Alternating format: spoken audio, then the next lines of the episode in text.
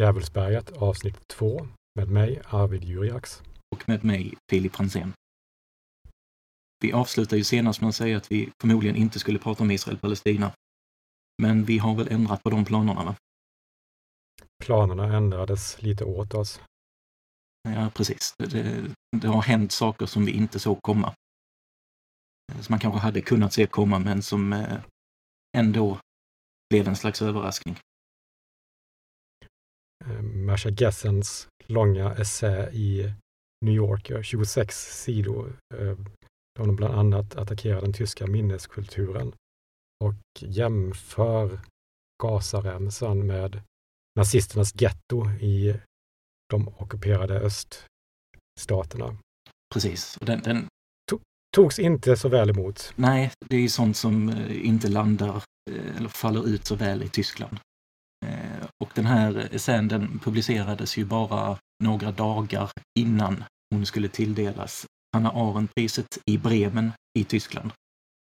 Så det, det, det sammanföll med att den här prisutdelningen var på gång och eh, ledde till att staden Bremen, eller kommunen Bremen, eh, tillsammans med Heinrich Böll Stiftung, som är initiativtagarna eller instiftarna av själva priset, valde att dra sig ur själva prisutdelningen. Så att den sköts istället upp en dag, eh, tonades ner och hölls utan pompa och ståt. Mm. I ett litet, eh, litet galleri har vi fått läsa här.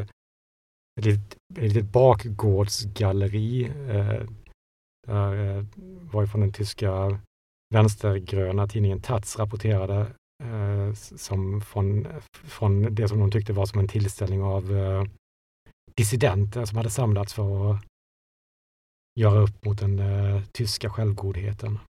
Ja, ja.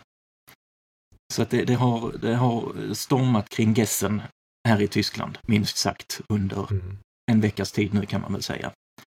Och eh, jag tänkte att vi kunde börja med att, eh, eller jag kan börja med att göra ett par nedslag i den här essän för att försöka skildra eller eh, ge en bild av vad det är som är så kontroversiellt eller vad som orsakar så eh, starka reaktioner i Tyskland. Mm. Och till att börja med, alltså Gessen, Gessen börjar med att beskriva eh, den, tyska, den tyska minneskulturen och beskriver eh, sin egen upplevelse av Berlin kan man väl säga och kommer ganska tidigt in i sin essä in på en, en konstinstallation som finns på det judiska museet i Berlin som heter Gefallenes Laub, eller Fallen Leaves på engelska. Gessen beskriver det här ganska ingående och målar upp en ganska levande bild av detta, för det är nämligen, de består av massvis, tusentals och åter tusentals små järnbrickor som ligger utspridda eh, och täcker själva golvet på ett visst ställe i museet. Och de här järnbrickorna, där har man eh, karvat ut ögon och eh, gapande munnar så att de, de ser ut som plågade ansikten som skriker eller uh, uttrycker oerhörd rädsla på något sätt, eller vånda, eller vad man ska kalla det. Uh, och när man, för tanken är att man ska gå på de här uh, metallbrickorna, de metallansiktena som ligger på golvet och när man gör det så uppstår ett tydligt metalliskt ljud. Har båda, vi har båda varit, har du varit där Filip? Ja, det har jag. Det är väldigt, en väldigt otäck upplevelse eller en väldigt eh, ja, men skakande kanske fel ord, men att, att liksom kliva in på det här området med de här ansiktena som, som är i, i sin mängd så många så att de framstår som eh, en, en bottenlös massa egentligen. Ja, det känns väldigt eh, gränsöverskridande. Alltså den här, den här konstinstallationen är ju, den väcker ju ett intuitivt obehag. Alltså man, man förstår ju med en gång att det här är någonting obehagligt och det, det, det skiljer ju det här konstverket från andra typer av minneskulturella uttryck. Kan jag eller om man tänker på till exempel det här minnes eh, förintelsemonumentet som står mitt i Berlin, de här betongklossarna mm. som är det mest kända exemplet. Där har man inte det, samma intuitiva förståelse för, för vad det handlar om. Utan det, det, har ju, det har ju dessutom blivit ett väldigt, väldigt populärt selfie, eh, selfie-motiv. Eh, att låta sig ja, i, precis. stå mellan de här sarkofagerna och posera. Ja, precis. Man får inte riktigt samma allvarstyngda känsla där kanske som man får vid just det här eh, konstverket i, i det judiska museet. Det som händer också, det, då är det tanken att man ska gå på det här området eller den här, eh, i den här gången där de ligger utspridda. Och eh, Gessen beskriver då det ljudet som uppstår när de här metallansiktena slår mot varandra. Det låter som metallbojor. Jag kan tycka man får också lite känslan av att ja, man kliver på, kanske inte, kanske inte döda människor, men människor som befinner sig i, i någon slags ångest eller smärta. Så det, det, det, det, är en, det är en väldigt stark bild som Gessen målar upp här ganska tidigt i essän. Eh, och betonar då det här att det handlar om det handlar om Tyskland, det handlar om den tyska minneskulturen, det handlar om förintelsen, detta är på det judiska museet i Berlin. Men så kommer då eh, vändningen i slutet av det här stycket som är ett av de mest uppmärksammade eh, passagerna i essän. Och då skriver Gessen så här i ett citat. När jag gick där så tänkte jag på de tusentals Gazabor som dödats som vedergällning för de judar som dödats av Hamas. Och sedan tänkte jag att om jag skulle säga det offentligt i Tyskland skulle jag kunna få problem. Så att här gör Gessen eh, en slags vändning. Alltså, jag tror den, den förväntade reaktionen från någon som befinner sig i den här miljön på just den här platsen, det är att tankarna går till de judiska offren i Israel. Mm. Men Gessen gör då eh, 180 graders vändningen eh, och tar, eh, fattar istället sympati med eh, offren i Gaza. Så det, det, är ett ganska...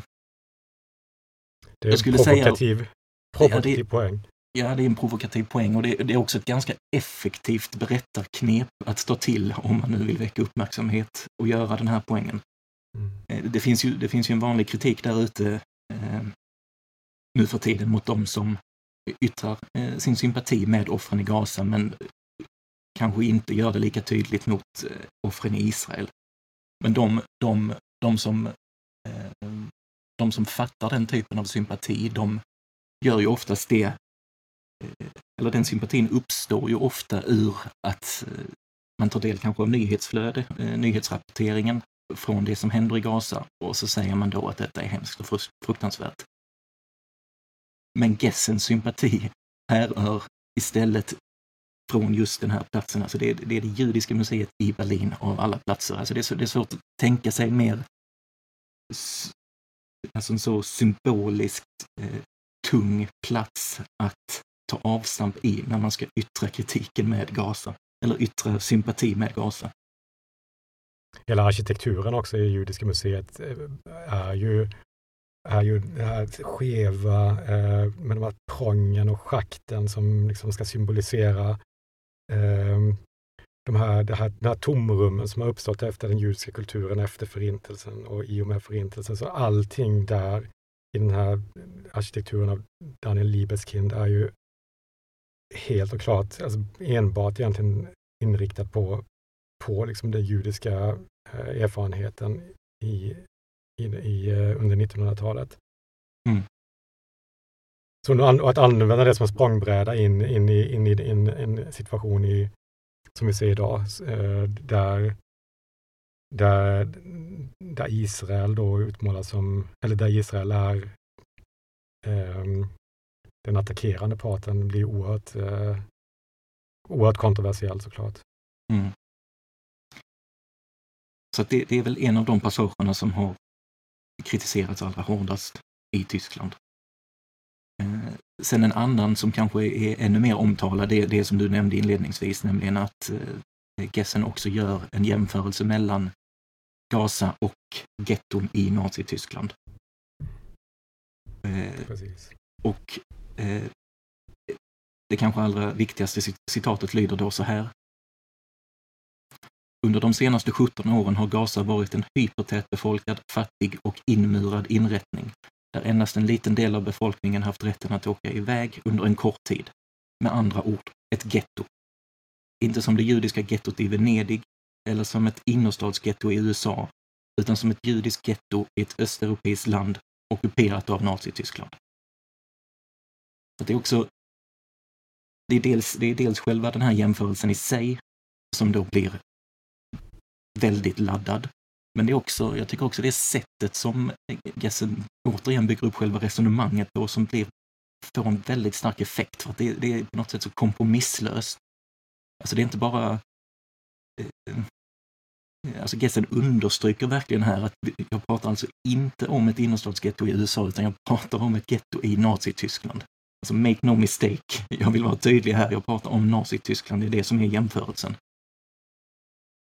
Det, finns ju andra exempel eh, när folk kanske vill eh, antyda att något påminner om eh, nazismen där man inte är lika tydlig utan nöjer sig med, med en liten hint.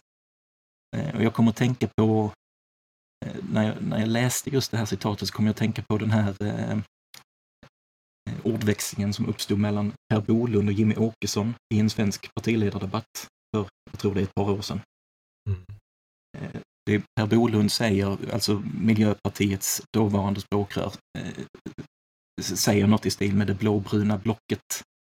Eh, varpå Jimmy Åkesson går i taket och vill ha svar från Bolund om han verkligen menar att han är nazist. Och då svarar Bolund att nej, utan jag menar, det jag menar med det här begreppet är att du är högerpopulistisk, eller något i den stilen. Jag tycker då, då, använder, använder man det här begreppet brun i ett sammanhang där det inte är helt klart vad som menas med det. Det kan betyda eh, eller anspela på nazism, eller som Bolund då vill göra gällande att istället syfta på Eh, att Jimmie Åkesson skulle vara eh, en högerpopulistisk politiker. Och det är jag tycker den typen av resonemang, då har man skaffat sig en slags eh,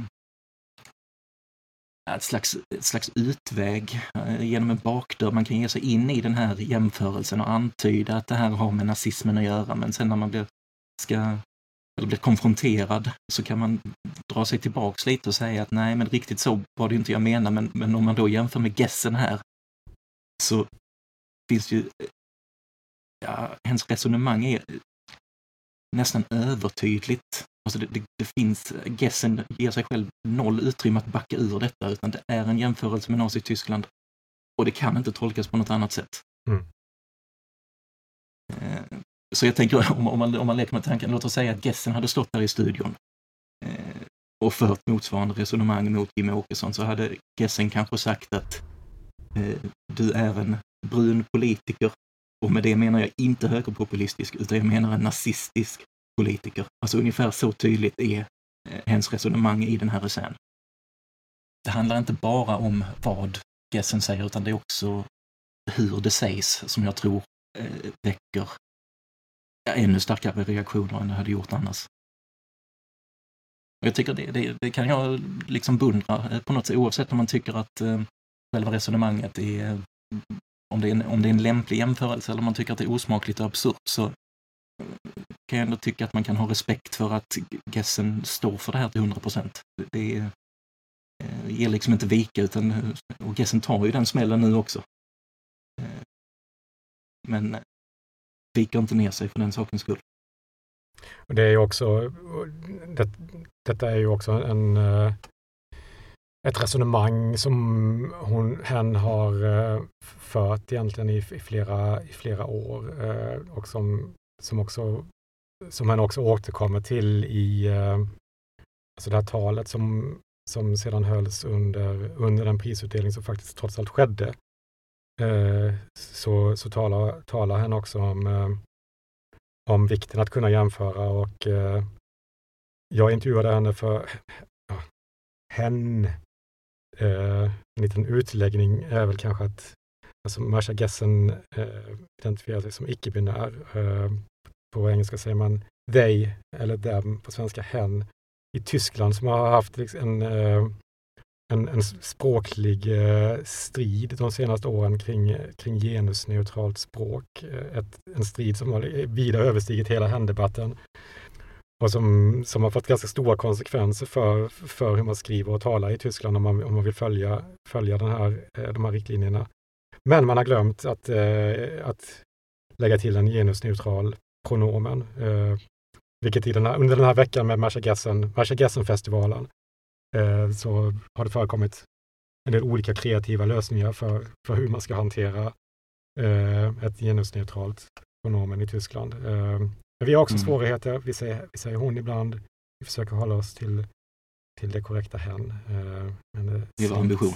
Det var ambition. Slinka, slinker in lite fel eh, reflexmässigt eh, ibland. Men eh, vi ska hålla oss på spåret och spåret eh, som jag var inne på var att den här argumentationen att jämföra förintelsen med, eh, med andra eh, brott mot mänskligheten, andra historiska eh, massvåld eh, mot, mot människor, eh, andra erfarenheter eh, av andra utsatta grupper är eh, enligt Gessen något som, som, man, som är egentligen ganska fruktbart att göra och också ett sätt att eh, Alltså poängen som, som hen gör när man, in, när man säger att förintelsen är ojämförbar eh, är att man då på något sätt skjuter, skjuter hela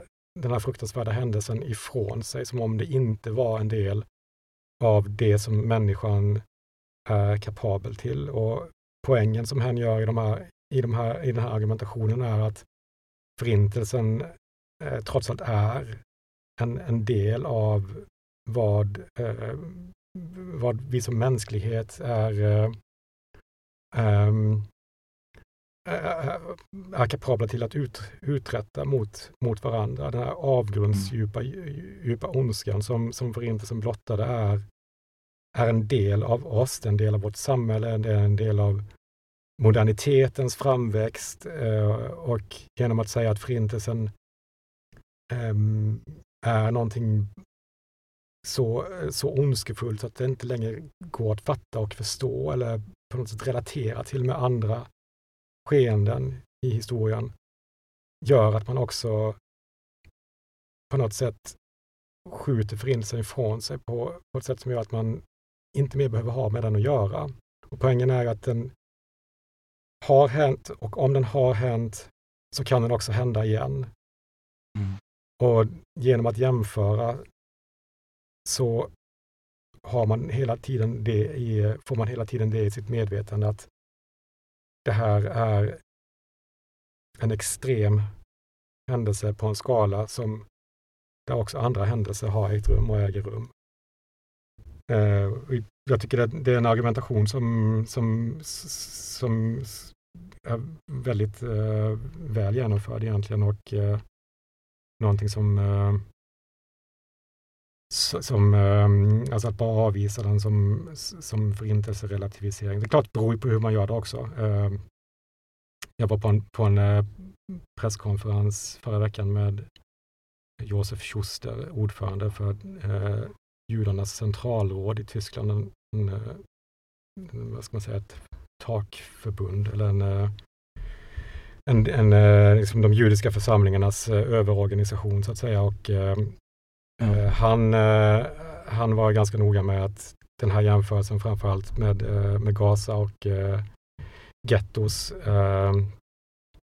är en, en förintelserelativisering och en Förintelserelativisering är enligt tysk lag brottsligt och om man har gjort sig skyldig till en till, gjort sig straffbar på det här sättet då som man tycker att Masha Gessen har gjort så är man inte värd att få ett pris uppkallat efter Hanna Arendt. Nej, utan man är istället kriminell. Precis. Ja, så det, det kan vara hårda tongångar men jag tänker, för det, det, är ju det som är Gessens centrala eh, argument här, eller åtminstone är det det hen trycker på i den debatten som har följt, att man måste kunna jämföra, man måste kunna prata om förintelsen eh, i relation till sådant som händer i samtiden runt omkring oss. Så det är väl det som är nyckelpoängen Gessen vill ha fram här, skulle jag vilja säga. Men jag tänker samtidigt, jag vet inte vad du säger här eller om jag missförstår någonting. För jag vet inte om analysen är helt klockren ändå, för vi har ju ändå den här situationen i Tyskland att man från officiellt håll eh, basunerar ut den här parollen ”Ni wieder ist jetzt”. Mm.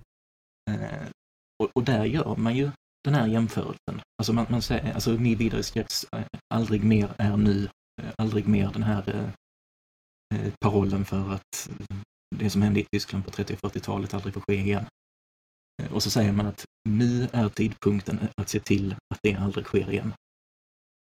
Den har ju uppkommit nu efter det som eh, efter Hamas attack i mm. Israel. Och då tycker jag ändå, det visar ändå att man kan ju ändå trots allt jämföra förintelsen med samtida händelser i Tyskland, uppenbarligen. Mm. Eller missuppfattar jag något? Nej, och det är väl lite det som jag, jag tror vi var inne på det förra avsnittet, avsnittet också, att eh, alltså de här, den, här, den här traumatiseringen, återtraumatiseringen som många, som många judar drabbades av i och med attacken, är ju någonting som man också använt i argumentationen, eh, både inte bara från politiskt håll, men, men från politiskt håll och det är väl det som, som en del, och jag tycker också att det är ganska tveksamt om man, när man börjar på något sätt koppla in eller koppla på hela den här, det här komplexet som, eh, som den tyska minneskulturen innebär för att eh, beskriva situationen för judar i Israel, eller judar i Tyskland också egentligen. Alltså, mm. eh, alla förstår ju såklart att, att för de som har en, eh, ett, ett sådant trauma i, eh, i släkten, i familjen, eh, om man har min förintelseöverlevare och liknande så är det, är det ju absolut självklart att den här typen av händelser väck, väcker den typen av associationer och det är ju på, det, på, mm. det, på sätt och vis det som, som sker hos eh, Marsha Gessen också egentligen. Hen kommer ju också från en familj med förintelseöverlevare. Och när hen ser vad som händer i Gaza, vem, vem, vilka är, alltså om man då från tyskt håll säger att nej, hen har inte rätt att göra de associationerna utifrån sina egna, sin egen familjs minnen och den, de trauman som de, som de har. Ehm, det är också en ganska ehm, vad ska man säga, det är också ett eh, också ett jävla sätt, helt enkelt. Mm. vem, vem, jag pratade med, eh, i fredags eh, pratade jag med den tyske professorn Jürgen Zimmerer som är professor i historia och, eh, mm. vid Hamburgs universitet. Och han är en av de som har, som har varit väldigt aktiv i, i det som ibland kallas för den nya historikerstriden i Tyskland, där den tyska minneskulturen har på något sätt granskats då kanske från ett postkolonialt perspektiv och utifrån mm. andra historiska förbrytelser. Men han sa också det här att, eh, jag frågade honom om, om är inte den här, den här jämförelsen som, som Marsha Gessen ändå, ändå gör, som, som för många också är väldigt provokativ, och som Josef Schuster då också kallade för kriminell mer eller mindre. Mm. Eh, är, inte den, är inte den trots allt en problematisk jämförelse? Och Jörgen Zimmer då sa att jo, alltså man, det, man kan definitivt ifrågasätta om det här är någonting som som, som ökar förståelsen eh, eller som bidrar till ökad förståelse för vad som sker i Mellanöstern just nu. Eh, och det är definitivt eh, det finns definitivt en poäng att diskutera om, om, det, är, om, den är, om, om det är någonting som för diskussionen vidare. Men sa han då också, det är inte jag som tysk.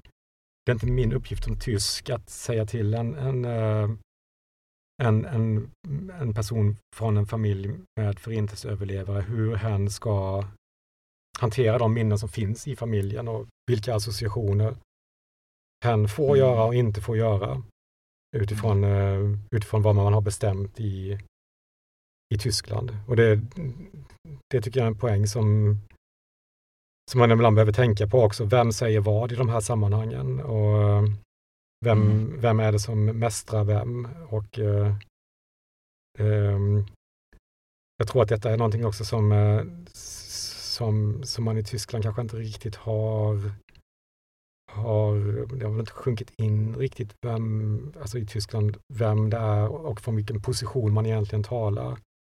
Eh, mm. I de här många fallen som har varit nu under hösten där där, där väldigt många judiska intellektuella har eh, fått på näsan för, eh, för att de har stickit ut för tydligt i sin kritik mot, mot Israel. Eh, Mm. Till exempel. Eller, eller, eller mot Tysklands minneskultur också för den delen. Eh, så det här är ju egentligen, Mercer Gessen är ju på något sätt eh, piken av en, eh, av en diskussion som, som, som har pågått egentligen sedan sen Hamas genomförde de här terrordåden. Ja, Precis. Eh, vi nämnde ju att eh, ja, det här med att prisutdelningen sköts upp och att eh, den inte blev lika stor som den i vanliga fall är. Men jag tänkte vi kan, göra ett par nedslag i hur det här har kommenterats också i tysk media i övrigt. För, det har ju väckt debatt i på alla kanaler så att säga. Mm. Jag har två, jag har kikat närmare på två eh, eh, tidningsartiklar som jag tycker eh, säger någonting intressant om hur, hur det här landar i Tyskland, hur själva essän togs emot. Det ena, den ena är en eh, artikel av en historiker som heter Volker Weiss som skrev i Süddeutsche Zeitung ett slags eh, svar eller en kritik av Gessens resonemang. Och jag tycker att den är eh, den, den är intressant för jag tycker den visar på att eh, Gessens essä, den, den, den, den frontalkrockar på sätt och vis med den tyska hållningen i, i den här frågan. Alltså jag tycker den här artikeln av Folke Weiss, det är en slags vägg som bara står där och som inte släpper igenom någonting i stort sett, utan han skriver istället en, ja alltså man kan kalla det en slags nitisk faktakoll av essän, radar upp olika faktafel. Och, och det här ledde också till att eh, eh, essän i The New Yorker senare rättades. Eh, en sak som han uppmärksammade. Eh, han hakar också upp sig på att vissa begrepp har blivit felaktigt översatta eller Staatsräson. Ja, precis. Staatsräson är det han tar upp, vilket jag tycker är... Han, gör- han, gör, han gör en stor poäng av de här sakerna. Eller han gör det till sin, till sin huvudsakliga poäng i artikeln. Jag tycker han hakar upp sig på det här med Staatsräson när det är ett begrepp som faktiskt har diskuterats så mycket i Tyskland just för att dess betydelse är oklar. Då tycker jag att ja, kan, man, inte- kan man inte leva med att den översättningen kanske inte blev helt hundra. Vad var översättningen eh, egentligen? Gessens översättning Ja, Eh, Jag behöver nästan kolla, men jag tror att det var alltså eh, the, the reason for Germany's existence. någonting sånt ja. Jag kommer ihåg, men jag minns också att den, eh, att den hon, hen drog ju kanske den, eh, den mest extrema tolkningen av det här begreppet egentligen. En tolkning som trots, trots allt också har, alltså den är ju inte, det är inte någonting som hen kom på, utan det är också någonting som har diskuterats i den här debatten kring, kring begreppet Staatsräson. Ja, precis. Det, det är kanske inte den tolkningen jag skulle välja, men jag tycker ändå den ligger inom ramarna för det här breda begreppet, trots allt. Men, så, så det gör han en poäng av och, och hela den här artikeln är, vad ska man säga, den är, ja, den är liksom inte tillmötesgående på någon punkt utan han, eh, han nagelfar eh, det som Gessen skriver. Men sen kommer han ändå fram i slutändan till, så, så avslutar han artikeln eh, med att säga att ja, vad, vad synd att det inte blev någon debatt av det här. Och då tycker jag att ja, det kan man ju bidra till själv också om man nu vill ha en debatt. Eh, det här var ju ett sådant tillfälle.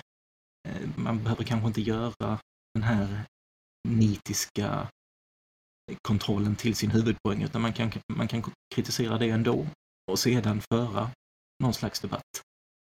Så jag tycker det är jag är egentligen ingen anhängare av att spekulera i vad folk har för syften, utan jag tycker att man ska försöka eh, lita på dem i så hög grad som möjligt. Men här när han säger att det är synd att det inte blev någon Mm. debatt av det här så tycker jag det klingar lite falskt. För han har ju själv inte bidragit till den saken, utan det, det är som så att han, han, han hade kunnat liksom ställa dörren till Gessen på glänt. Men jag tycker att den här artikeln, det är, han, han smäller istället igen dörren i ansiktet på en.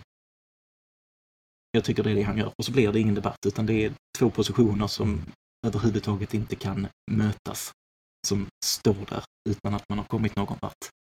Så jag, ty- jag tycker det, det är ett bra exempel på hur reaktionerna ofta ter sig i Tyskland.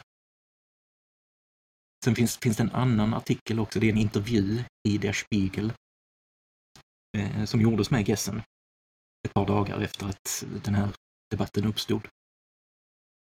Och jag menar, då, då resonerar man säkert från Spiegels sida att eh, nej men vadå cancellering, vadå att det inte finns någon debatt. Vi intervjuar ju Gessen här, så att de facto finns det en, en diskussion. Men jag tycker ändå att det är, det, det, är en väldigt konfrontativ intervju som också är en slags vägg där, där man inte når fram till varandra utan man står på två helt olika platser och har väldigt svårt att förstå varandras positioner. Det, det börjar redan i första frågan i den här intervjun.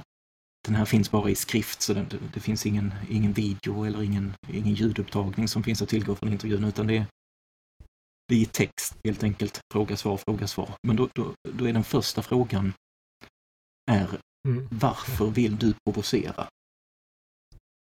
Det är den första frågan Gessen får.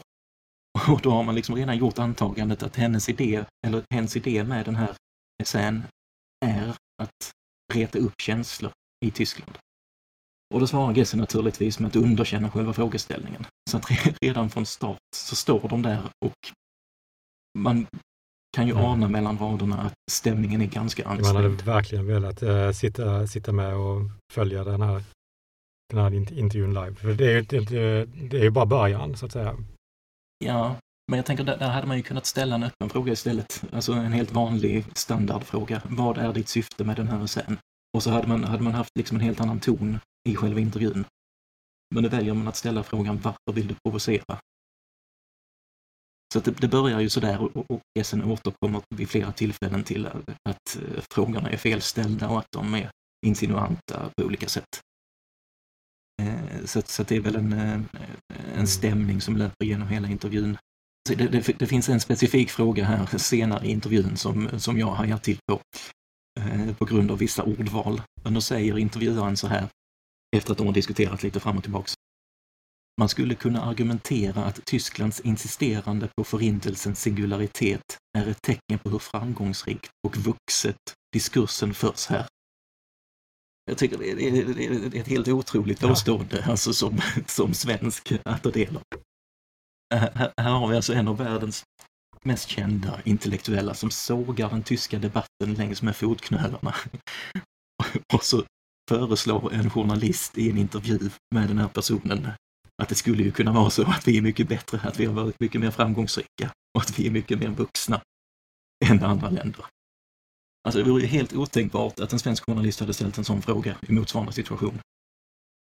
Påståendet som jag så här avslöjar, avslöjar också väldigt mycket om eh, Tysklands syn på, på, på sitt sätt att ha eh, tagit itu med historien. Att man att man eh, har gjort det på ett sätt som gör att man man är väldigt stolt över det här helt enkelt, tror jag. Att det finns en stolthet i, eh, i att man har, att man har Weltigung heter det på, på tyska, att man har liksom tagit itu med det och kommit över det på något sätt. Och, och att det är liksom ett ständigt pågående, en ständigt, ständigt pågående process och att man på något sätt är lite världsbäst på, något, på det här fältet. Och på många sätt är man ju också, man har ju, kom, man har ju kommit väldigt mycket längre än andra, eh, än andra länder som, som har en mörk historia och eh, det är ingen tvekan om det. Men, men, men det finns liksom en oförmåga i, i många fall att, att se att det fortfarande finns brister och eh, eh en oförmåga att ta till sig kritik också. Det, det, här, det, här, det här påståendet eh,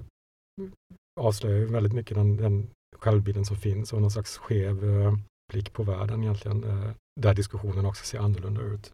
Ja, för det, om man då jämför med Sverige så finns ju inte, i det här fallet så ser jag inte alls den självmedvetenheten som brukar yttra sig i Sverige. Alltså så fort Sverige hamnar i motsvarande sits där omvärldens blickar dras till Sverige av olika anledningar.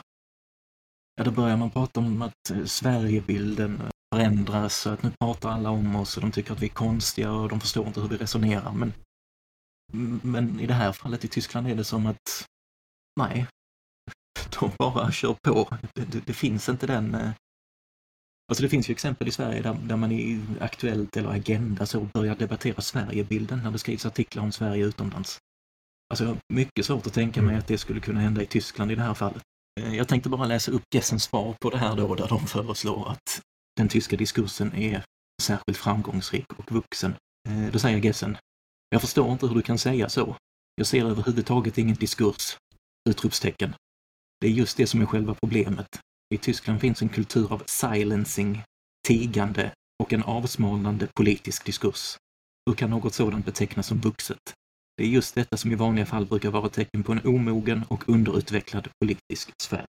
Kritiken kommer ju där. Alltså, eh, det är inte så att man inte tillåter kritiken och den är ju, den är ju eh, högljudd. Eh, och får, får på sätt och vis utrymme. Men eh, den, den får ju kanske inte det genomslag i eh, hos liksom den eh, hos dem som för, för diskursen egentligen. Man ser ju väldigt tydligt att det finns en, en, eh, en, en, en gemensam front i, i det offentliga Tyskland som, som består av de stora tidningarna och det officiella, eh, den officiella delen mm. av landet. Eh, och, och, och, där är det, är det som du säger med den här liknelsen som du gjorde med Folke Weiss artikel i Süddeutsche Zeitung där, där det så att det är som en vägg som man ställer upp eh, där man inte släpper igenom någonting. Eh, det, är liksom, det är väldigt ofta det intrycket man, eh, som man har fått under den här hösten. Det som, för, för att återkoppla lite till vad vi pratade om i förra avsnittet, då pratade vi bland annat om Deborah Feldman som också yttrade väldigt hård kritik mot Tyskland i The Guardian. Så då har vi alltså de som driver på, mm. eller de som tar ut svängarna allra mest i den här debatten och kritiserar Tyskland allra hårdast, de gör det i utländska medier. Medan jag tycker att när de väl eh, tar plats i Tyskland så verkar det finnas ett behov av att, jag vet inte om man ska säga tygla rösterna, men, men man är väldigt, väldigt noga med att förhålla sig till allting de säger och, och, och låter, ja. inte, låter inte den här kritiken riktigt eh, blomma ut på det sätt som den har gjort i The Guardian eller i The New Yorker till exempel. Nej, men jag tror också att, eh, för, jag vill komma tillbaka till den här intervjun som jag gjorde med, eh, med Jürgen Zimmer i förra veckan, som man kan läsa lite av i Dagens ETC, i en artikel som publicerades mm. igår. Där han, han säger också, för jag frågade med varför, varför det ser ut så här just nu, vad, vad, det, vad det beror på egentligen. Och han sa att, att, att Tyskland är i chock efter, efter Hamas-massakern. Det är liksom en chock som eh, en chock över, över terrorn i sig och det, det, det sättet som den genomfördes, de utstuderade våldsam, våldsamma grymheterna. Men också en, en, en chock som också liksom sprider sig i form av en rädsla över att överhuvudtaget råka ge antisemitismen i, i Tyskland utrymme igen. Att det är, en, det är en, en, en ryggradsreaktion och det finns det finns, det har, det har på något sätt blivit en, en del av det tyska politiska DNA att, att reagera mot, mot alla former av antisemitism. Eh, mm. Och och då, då tar det sig också sådana här absurda, absurda former egentligen där ja. det blir som överslagsreaktioner egentligen. Eh, det är också ett ord som har, som har förekommit i diskussionen, att det, man, man reagerar helt utan, utan eh, man, man reagerar tygellöst verkligen. Mm. Jag tänkte göra en, en, en sista parallell till Sverige här också. Bara för, eh, apropå Deborah Feldman, som vi alltså pratade om i förra avsnittet, och hennes artikel i The Guardian. Så slog det mig sen eh, efter ett tag att även där finns det en svensk parallell, nämligen eh, Gina Gustavsson som för ett par, tre år sedan eh, skrev väldigt kritiskt i The Guardian om hur Sverige hanterade pandemin inledningsvis. Och det, det ledde ju sen till att inom loppet av ett par veckor så hade hon en, en egen kolumn i Dagens Nyheter, Sveriges största morgontidning, där hon gång på gång, jag vet inte under hur lång tid, jag vet inte, hon kanske fortfarande håller på, jag vet inte riktigt, men där hon eh, utvecklar sin kritik av eh, hur Sverige hanterade den här pandemin. Och när vi då, då har vi en, en parallell här i Tyskland där, där Deborah Feldman skriver en liknande kritik i samma tidning. Men jag har, jag har svårt att föreställa mig att man skulle släppa fram henne på det sättet i Tyskland. Alltså, skulle hon verkligen kunna få en kolumn där hon skriver en gång i månaden i Süddeutsche Zeitung eller Der Spiegel? Jag, jag har svårt att tro det. Jag kanske får äta upp det här om någon vecka, att hon dyker upp på någon, på någon sån plattform. Men jag menar nu när det finns en diskussion om, om den tyska minneskulturen, det, det, det, det är ju lite konstigt att den förs som mest intensivt utomlands. Alltså det är utlandets blick på Tyskland. Och det är det som driver den här debatten, medan man i Tyskland tar sig an det här ämnet väldigt motvilligt. Mm.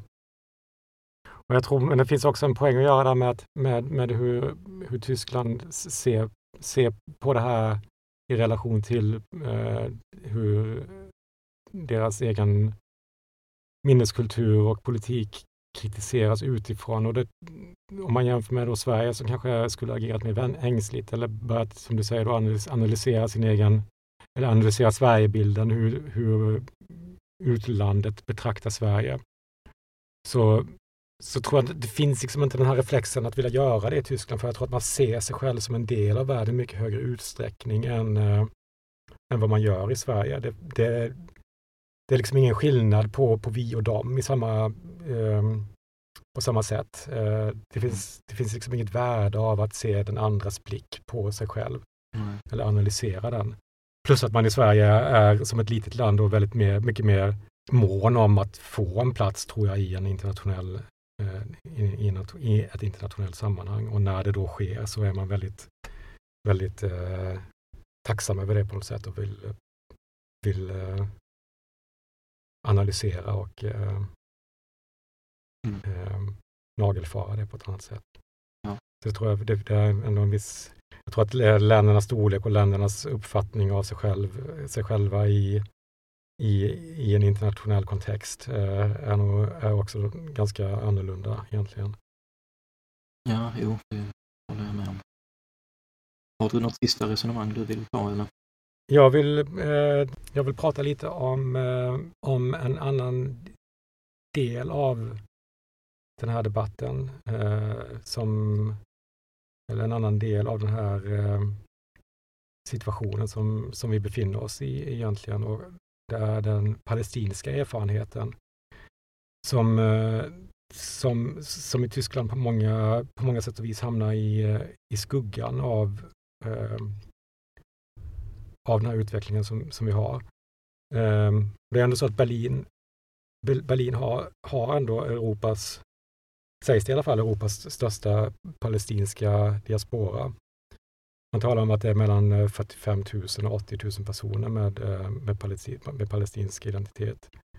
Och om man jämför dem med andra migrantcommunities eh, eh, som, som det turkiska till exempel eller det israeliska så, så är det här Eh, till stora delar en väldigt osynlig grupp. Och eh, jag har koll på väldigt få palestinier i den tyska offentligheten. Om man jämför med, med turkar och israeler, eh, där det finns många framträdande mm, intellektuella som Dennis Yücel till exempel, eller ja, israeliska intellektuella eh, som förekommer i den tyska offentligheten. Är, finns det väldigt gott om också egentligen.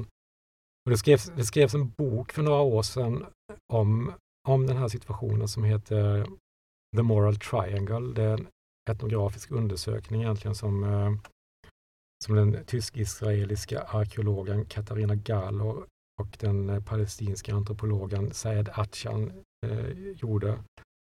Och den bygger på, eh, jag tror det är exakt 100, 100 intervjuer med palestinier, tyskar och israeler i, i Berlin och hur de hur de liksom relaterar till, eh, till varandra. Och eh, att de här tre, de här tre grupperna då står i, slags, i ett slags triangelförhållande till varandra, det var, det var något som, eh, det var en tanke som den israeliska teaterregissören Jael Ronen lanserade för, för säkert tio år sedan, tror jag det var, i en pjäs som heter The Third Generation, som handlar just om de här tre, tre grupperna. Och när den här pjäsen, för liksom att illustrera hur Eh, att det här är liksom ändå en, en, en, känslig koppling att göra.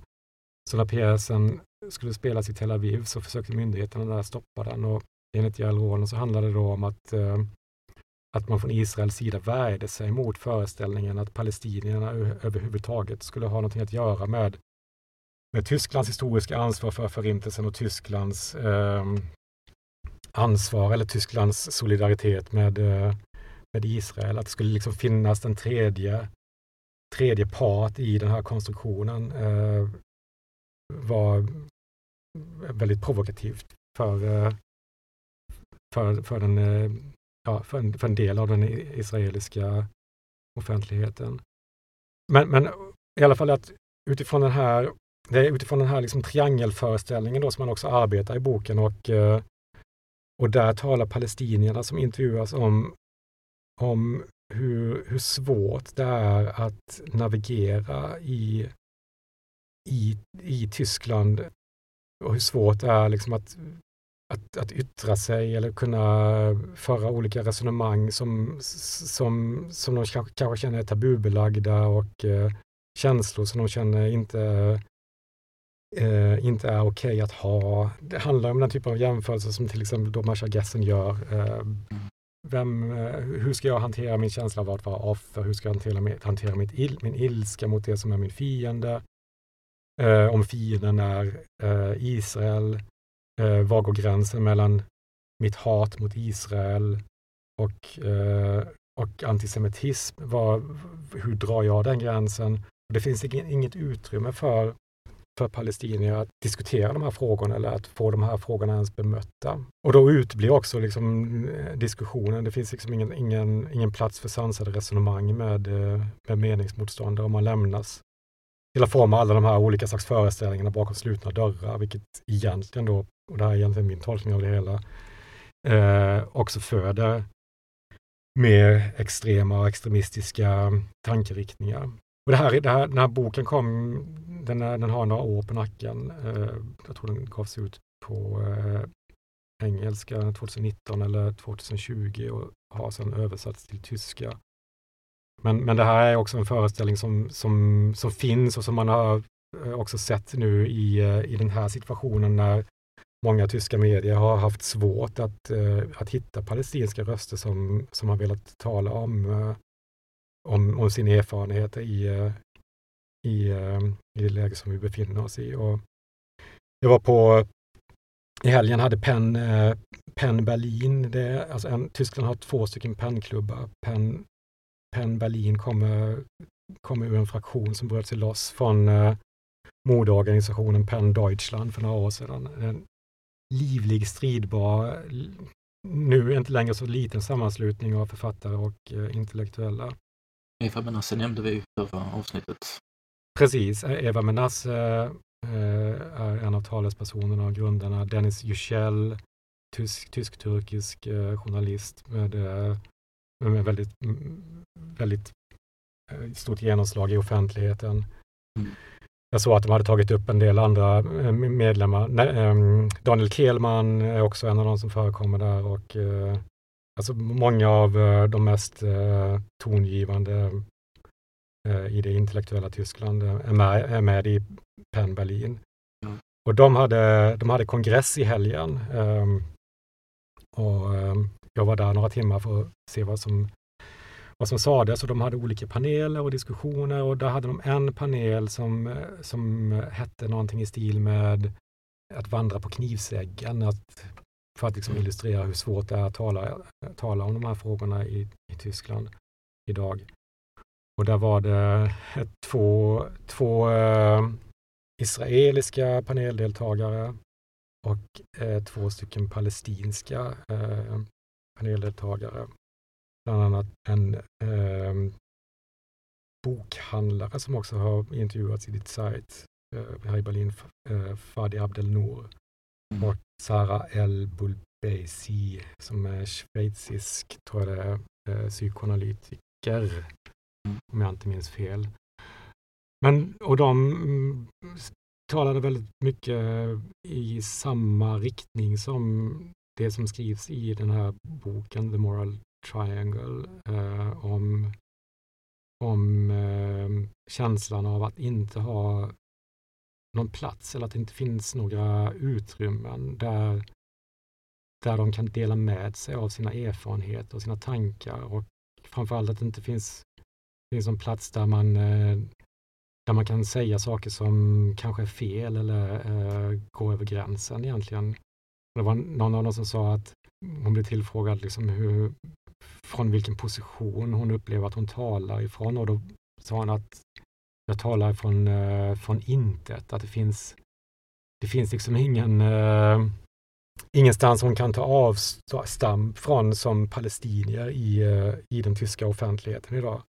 Och det, det är en ganska, om man tänker på hur oerhört stor den här diasporan är i Tyskland så är det en ganska det är en ganska allvarlig situation att uppemot 80 000 personer i Berlin då bara upplever att man på något sätt är, ja, inte önskvärd är väl kanske att, att, men att man inte syns, att man inte riktigt är del av, av samhället på ett väldigt mm.